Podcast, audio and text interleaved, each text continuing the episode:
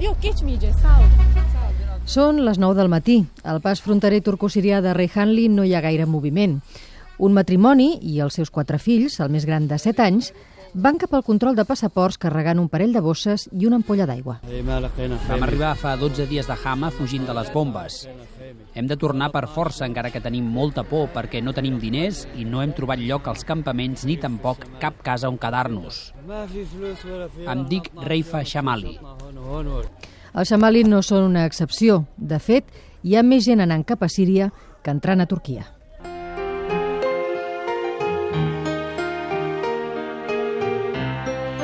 El govern turc té una política de portes obertes als refugiats sirians. Només en moments puntuals i per raons de seguretat ha tancat la frontera comuna. Mete Çubukçu, expert en política regional.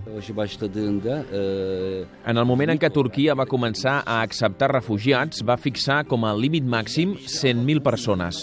En l'actualitat, el nombre de refugiats ha superat els 600.000 i s'espera que aquest nombre encara augmenti.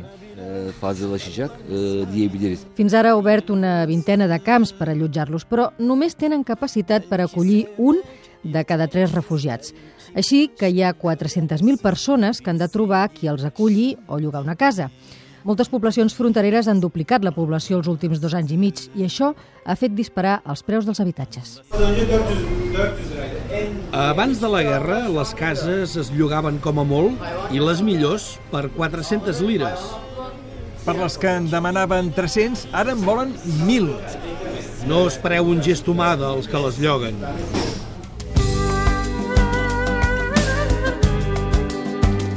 El país està al límit de les seves possibilitats, però tot i això no accepta ajuda internacional per obrir nous camps de refugiats. Türkiye ilk başlarda genel Suriye politikası Turquia no va voler que les institucions i les forces internacionals interferissin en l'assumpte.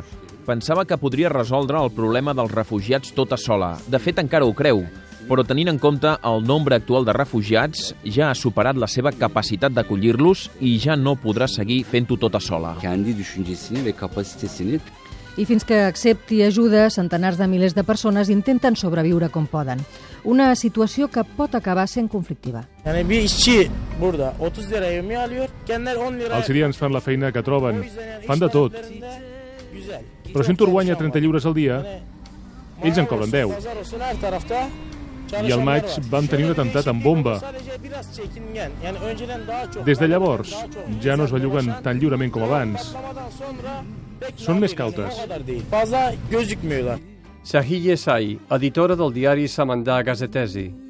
Les autoritats han consentit que els terroristes sirians circulin lliurement, que passin armes a l'altra banda. El cotxe bomba de Reyhanli va ser cosa seva, tothom ho sap. El govern turc ha permès que s'instal·lessin aquí, sense pensar si això podia perjudicar la població. E, Durant aquests dos últims anys i mig s'ha discutit molt aquí a Turquia sobre qui s'està allotjant als campaments, sobre si s'estava acollint els grups de l'oposició armada o terroristes. A vegades aquestes teories s'han provat com a certes, però altres vegades no. Eğer BM denetimine verirse. Tot això sembla haver influït en el govern turc respecte a la guerra síria. Fins no fa gaire, semblava disposat a ajudar a fer caure el règim del país veí. Ara, el seu intervencionisme s'ha refredat. E,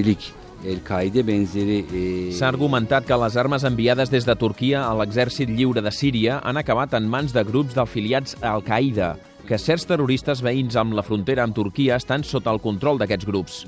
Les pressions exercides pels Estats Units i la pèrdua de control sobre les forces rebels sirianes han obligat Turquia a frenar. Però el que no frena és el flux de refugiats. Per més que molts tornin a Síria, d'altres ocupen el seu lloc i arriben a Turquia en condicions deplorables. Més que un allotjament o menjar, precisen assistència mèdica immediata. També els centres hospitalaris escassegen i la previsió de cara a l'hivern fa tema que la situació empitjorarà. Mar Marais, cooperant catalana a Reyhanli. Molts dels ferits no poden estar, no poden passar l'hivern als camps de refugiats i hauran de moure's cap a l'hospital. No sé com ho, no sé com ho podran manejar perquè l'hospital on estic jo, per exemple, té de 50 a 80 llits i estan tots ocupats.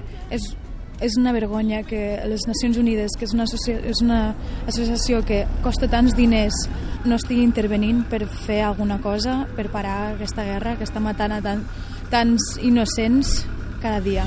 Gitti de gitti